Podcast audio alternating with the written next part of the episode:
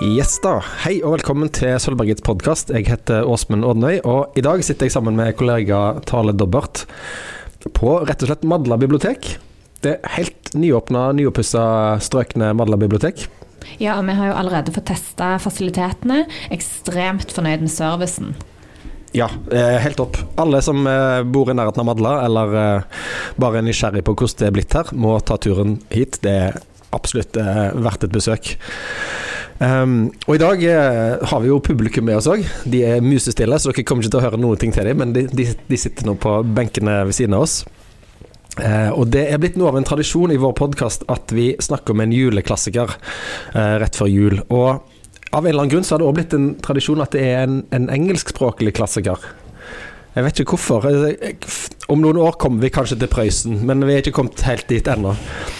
Så i dag skal det handle om eh, Et barns jul i Wales av eh, en eh, walisisk poet som heter Dylan Thomas. Det er en nokså tilfeldig suksess, kan en si.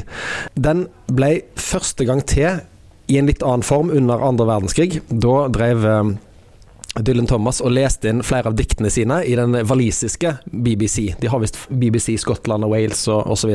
Produsenten hans syntes at dette var gode greier, og tilbød eh, opptaket til moderskipet BBC London om de kanskje ville spille av um, denne opplesningen. Men de syntes ikke at dette var særlig bra, så de hoppa over det. Uh, Dylan Thomas fortsatte å lese inn tekstene sine på radio, uh, men det var ingen av de viktige folkene som ble imponert av det han leverte. Så i 1950 bestemte han seg for å gjøre noen av innlesningene sine om til en lengre tekst. Den første gangen tittelen uh, 'A Child's Christmas in Wales' sto på trykk, det var i juleutgaven av Harper's Bazaar i 1950. Og to år seinere, i 1952, var Dylan Thomas på turné i USA. Og han ble oppsøkt av to unge studenter Eh, Barbara Holridge og Marianne Rooney De hadde en forretningsidé som var helt sprø. De trodde at det var penger å tjene på det eh, å lage plater med forfattere som leste sine egne tekster, sånn at folk kunne høre på litteraturen hjemme hos seg sjøl. Dette var selvfølgelig ingen som hadde tro på. De fikk kontakt med Dylan Thomas, som tilfeldigvis var i USA på denne turneen, og han gikk med på å spille inn en 45 minutters LP. Eh, de hadde klart for seg hva som skulle være side 1, det var dikt. Eh, men hva de skulle ha på B-sida, på side 2, det var de ikke sikre på. Så han foreslo jo sjøl at han hadde jo disse minnene sine fra Wales, som han hadde skrevet om før. Men han hadde jo ikke det manuset for hånda, selvfølgelig, for det var jo lenge før skylagring og minnepinner og sånne ting. Så de fikk i all hast skaffa seg det magasinet fra desember 1950. Og det var den teksten han da leste inn to år senere, i 1952. Dylan Thomas han døde jo året etterpå, bare 39 år gammel. Han var både sjuk og, og forfylla. Eh, men tekstene lever jo videre, ikke minst eh, 'Et barns jul i Wales'. Og den kom òg som bok, ikke lenge etterpå at den var blitt, eh, var blitt utgitt som lydbok.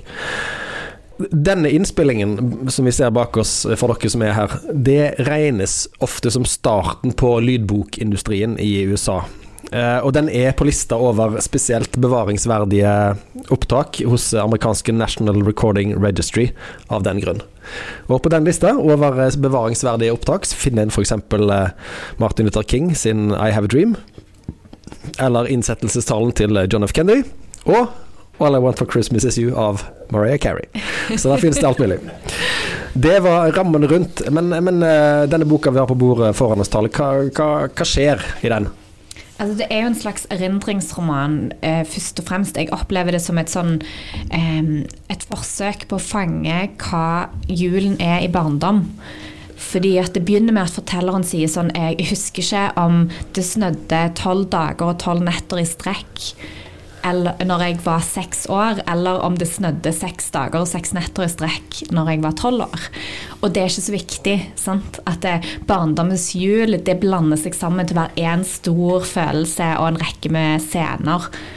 Så, så, det er det det handler om. Da. Du får et barneperspektiv på ulike julerelaterte hendelser som følger denne karakteren og tankerekkene hans som mm. ung gutt i Wales. Mm. Det, vil du si at det er noen uh er det, en grunnleggende stemning her? Er det grunnleggende pessimistisk eller optimistisk, eller, eller er det alt mulig? Jeg tenker at det er på en måte alt mulig, men det skal vi forhåpentligvis komme tilbake til. Men jeg tenker at det er veldig eh, positivt mye. Det er mye lek. Det er liksom sånn nydelige scener hvor det plutselig dukker opp noen flodhester og ulver, og eh, veldig sånn barnlig entusiasme for de små tingene og fantasien. Mm. Og det er jo, som du sa, en eh, et tilbakeblikk, for jul er jo eh, tilbakeblikkenes eh, store høytid. Eh, så vi tenkte vi skulle bare plassere den inn i et slags mimreperspektiv, julemimringsperspektiv. For juletekstene og sangene har jo ofte et tilbakeskuende blikk, men ikke alltid. Du har de som er på en måte sånn reportasjesanger for det som skjedde for 2000 år siden. Sånn 'Et barn er født i Betlehem'. Det er liksom akkurat som du har en reporter der som skildrer det som skjer. Eller eh, 'O helga natt', som òg er der og da, live fra Betlehemsmarkene. Og så har vi de eh, sånn nokså nær fortidsmimring, f.eks. For White Christmas, som handler om du drømmer med jul, uh, just like the ones I used to know. Det som har vært en gang. Du vil ha det på nytt igjen. Eller uh, Alf Prøysen sin sang om å være fire år i romjul. At det var toppen. Og underforstått, du er ikke fire år lenger, du er kanskje voksen. Kanskje du til og med er gammel. Men det var det helt store. Og så har vi nokså nær fortidsjulemimring. Der har vi jo Last Christmas. Den handler om noe som skjedde for mindre enn tolv måneder siden. Eller kanskje akkurat tolv måneder siden. Det går ikke helt klart uh, fram av sangen. Og så kan vi gå til de som er akkurat her og nå. Uh, for eksempel Do They Know It's Christmas? Som er en, et brennende spørsmål som gjelder vel om disse folkene i Etiopia visste at det var jul i 1984. Sånn tolker jeg den i hvert fall, når jeg uh, hørte på den. Og så har vi Chris Ria, uh, 'Driving Home for Christmas', som er en rapport fra førersetet. Uh, han sitter i bilen og er på vei hjem. Og ikke minst denne Slitets høysang 'Nå har vi vaska gulvet, nå har vi børe ved, og nå har vi hengt opp fugleband, og nå har vi pynta tre'. Litt sånn passiv-aggressivt. Det er så behov for å si alt det. Kanskje de mener vi at det er jeg som har gjort alt. Du har sittet der og sett på Netflix mens jeg har gjort dette. Mm. Så vil en tolke det i dag, kanskje. Denne er jo litt mer romantisk i tradisjonelt, kanskje. Og selvfølgelig alt som handler om eh, juleaktiviteter. Som nå, akkurat nå går vi rundt om en enebærbusk. Det er ikke noe de gjorde i fjor eller for 2000 år siden. Den her er litt mer fremadskuende. Her har vi 'All I Want for Christmas Is You'. Det, denne personen vil ha noe til jul, underforstått årets jul. Det er jo ikke En ønsker seg ikke ting om jul om, om, to år. Det er her og nå, men det er ikke skjedd ennå. Og så har du Musevisa, hvor de snakker om at alle sammen skal få feire jul igjen hvis ingen går i fella i løpet av det neste året. Som har òg sånn fremadskuende blikk. Og eh, Santa Claus is coming to town. Han er på vei. Han er ikke kommet ennå, men det er rett før. Og så, for, så har vi òg um, uh, I'll have a blue Christmas without you. Det er ikke blitt jul ennå, men det kommer til å bli jul, og det kommer til å bli trist, for jeg har ikke jul med deg. Uh, og kanskje den aller mest fremadskuende sangen er uh, Have Yourself a Merry Little Christmas, som jo er uh, Next Year All Our Troubles Will Be Miles Away. Den mest elska julesangen i Norge er jo, vil jeg si, 'Deilig er jorden'. Og det er jo fordi den har med seg hele dette perspektivet. Den handler om det som englene sang den først for markens hyrder, og så er det òg eh, slekt skal følge slekters gang. Så de har, det er en sånn massiv helgardering av eh, 2000 år fra 2000 år siden til uendelig mange slekters gang. Så det er ikke rart at den blir eh, alle står og griner når den synges på julaften. Den vi har lest, da, 'A Child's Christmas in Wales', plasserer vi jo her, i en sånn, eh, sånn forfatterens barndom. Det var tider, det. Og kategorien er da halvnær fortid? Halvnær fortid. For dette Vi tror at det er en voksen forteller som forteller om hvordan det var en eller annen gang når han var liten. Denne boka her står jo, sånn som dere ser den, i, i Sølvbergets hyller. Og når jeg ser den, så tenker jeg umiddelbart barnebok. Men er det ei barnebok? Nei. Altså. Eller ja og nei. Altså, det er kanskje en god barnebok, men fordi eh, De beste barnebøkene er jo de bøkene som egentlig er skrevet for voksne, som, gjør, som er kjekke å lese for voksne, som er, gjør det mer sannsynlig at voksne har lyst til å lese boken om igjen og om igjen og om igjen. og om igjen. Eh, og det er jo det som utgjør en tradisjon. Men når jeg eh, gikk og fant denne boken, hadde ikke kjennskap til den fra før av, så eh, plukket jeg opp den engelske utgaven.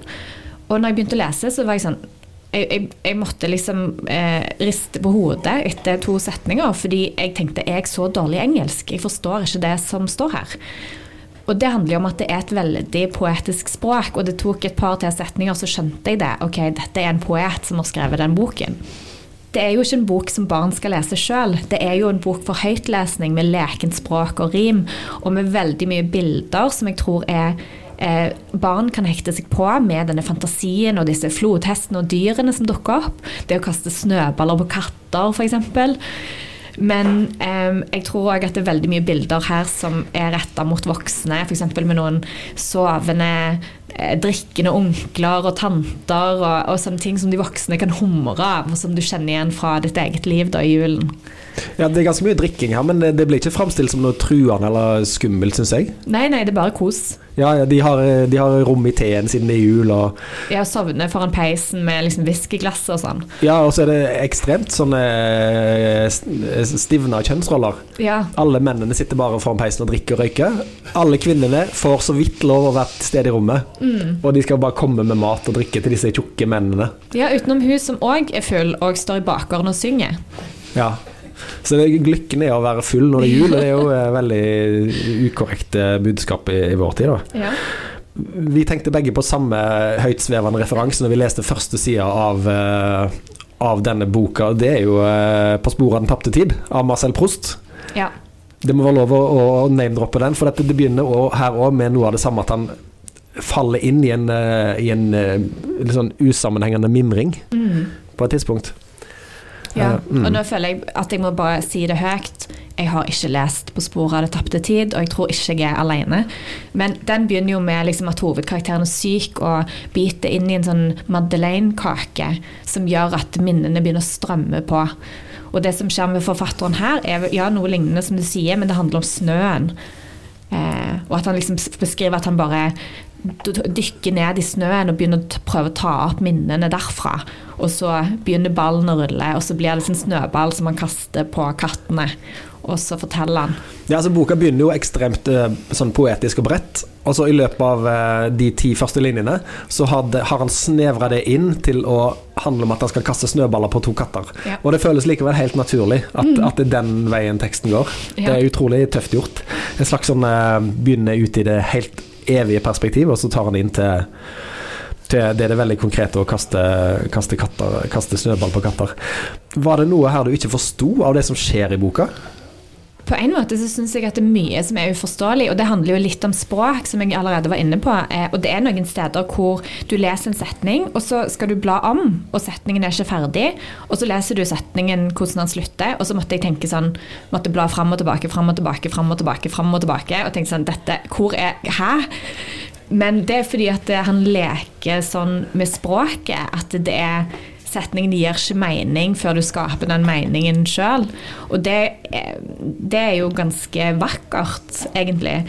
Um, og sånn scenemessig så hopper det jo fra de der nære relasjonene og uh, scener som man, man kan kjenne igjen fra eget familieliv, til um, litt sånn større, og åpnere spørsmål. Mm.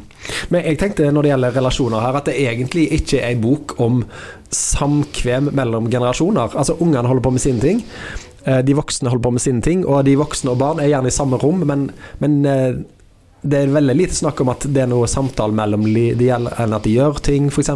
Han, han får dette Mekano-byggesettet som han sitter og holder på med alene. Mm. Det er ikke sånn som i dag at begge foreldrene ville sittet oppå ungen og hjulpet til å vise bruksanvisningen. Det, det, det er som at det er sammen, men adskilt jul. Mm. Og sånn var det jo før.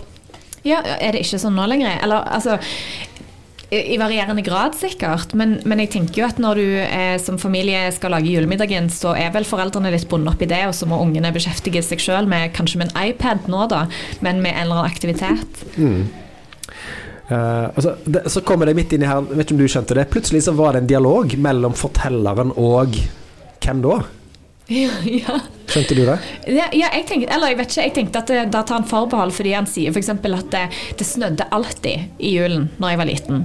Og det mm. vet jo alle ikke stemmer, men det er sånn vi alle føler om vår egen jul. For det var kanskje én jul når du var fire, så snødde det, og det er den du husker. Mm. Eh, og så føler jeg at forfatteren bare tar forbehold mot at noen skal kritisere hans syn. Um, og så kommer det en sånn kommentar fra en liten gutt som sier ja, det snødde i fjor når jeg feirte jul med broren min. Og så sier han sånn ja, men den snøen du snakker om, det er ikke den samme snøen som den jeg snakker om. Nei. For når jeg var liten, så var det mye mer snø, og Ja. det bare kom fra alle kanter. Ja, han sier at snøen kommer nedenifra. Det er veldig kult. Ja. Eh, Denne, den boka vi har stående her, er jo fra noen år tilbake, men den er oversatt av Geir Gulliksen, som er forfatter sjøl og har vært eh, redaktør for en haug av eh, store norske forfattere, så den er veldig bra oversatt òg. Men jeg tenker også at det er sånn, han har en setning om at det er, er Var det onkler?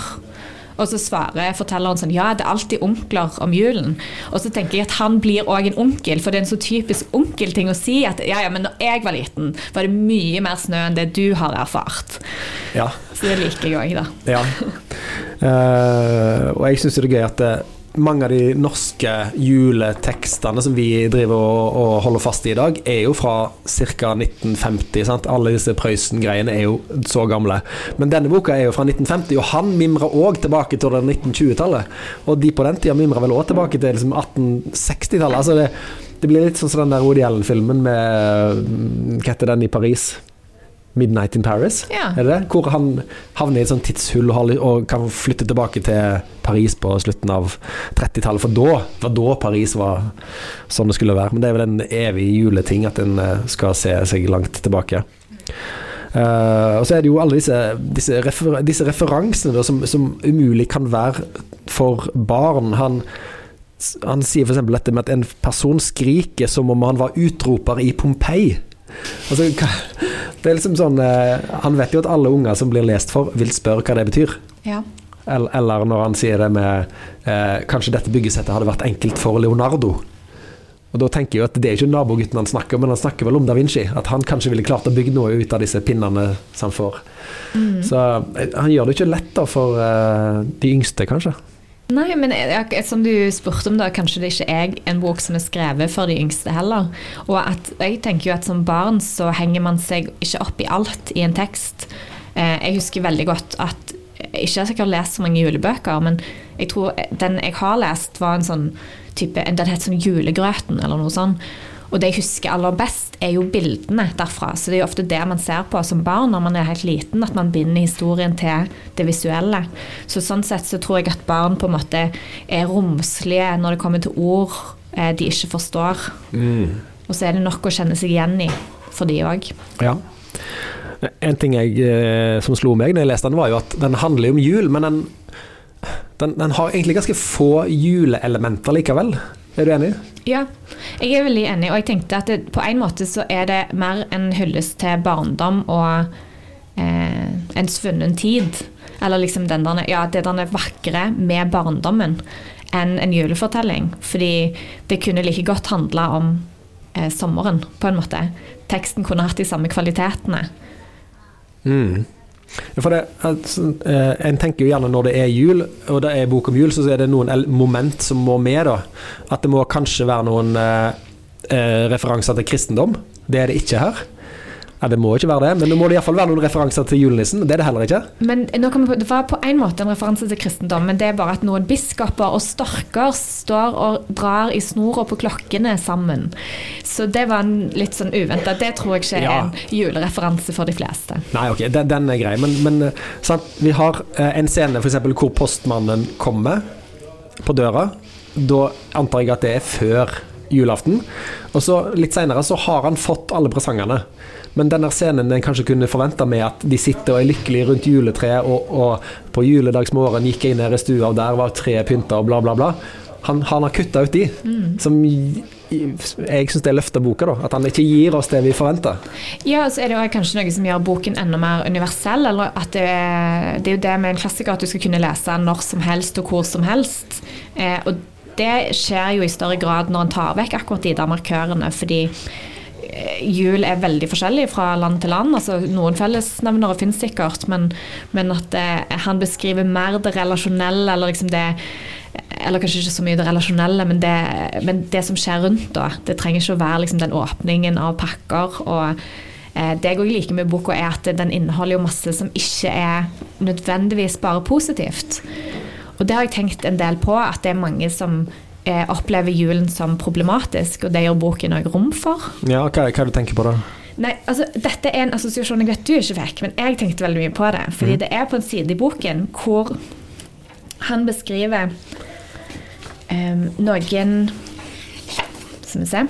Eh, nå har jeg dette på engelsk, så jeg tror ikke jeg skal lese det høyt. Men han beskriver liksom unge menn som går mot havet med, eh, uten, uten jakke på seg og med flagrende skjerf, så du får en følelse av at det er veldig sånn kaldt og, og hardt vær. Og altså, så sier han liksom at de går kanskje to work up an appetite. To blow away the fumes, who knows. Og det tror jeg mange kan kjenne seg igjen i. sant? At det er ikke alltid god stemning i julen. Av og til så må man bare komme seg ut, få litt luft. Og eh, ja, liksom Ja.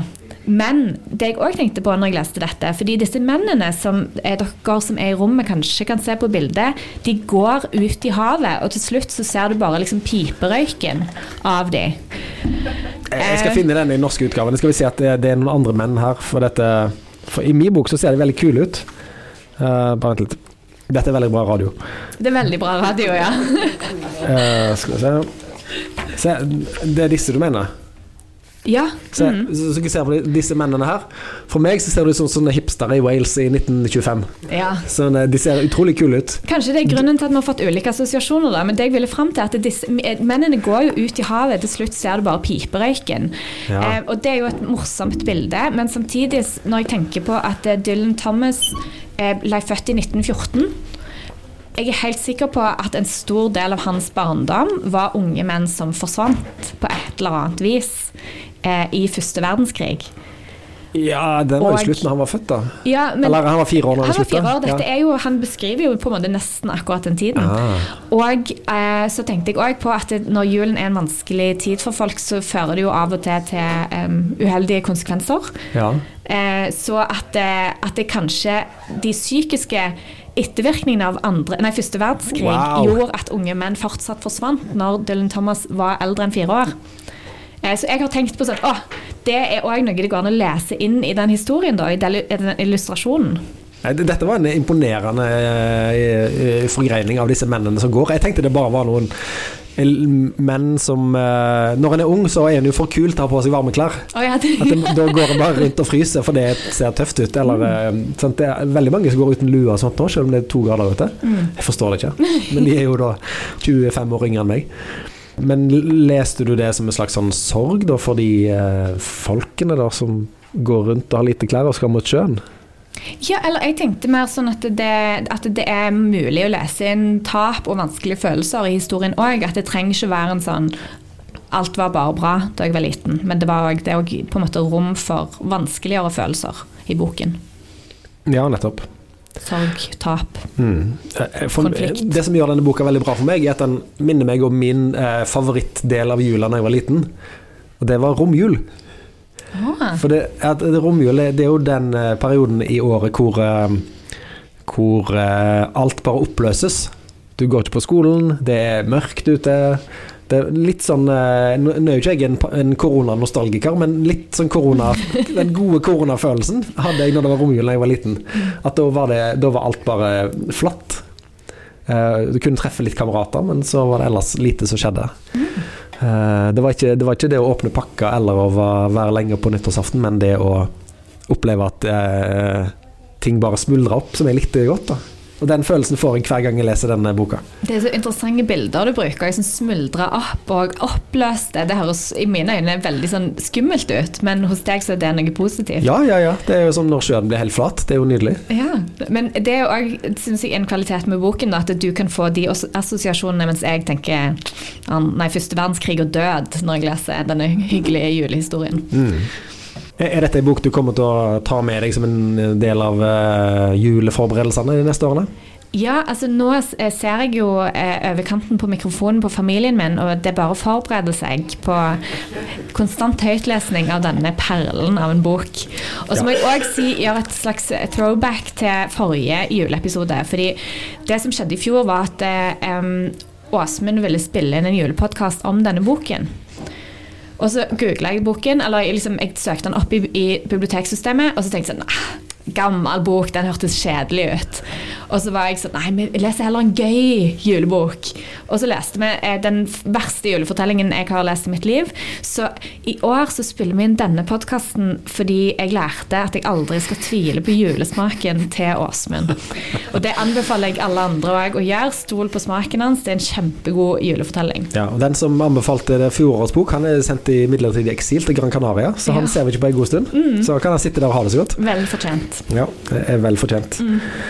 Ok, veldig bra. Takk skal du ha, Tale. Takk for at jeg kom. Ha det.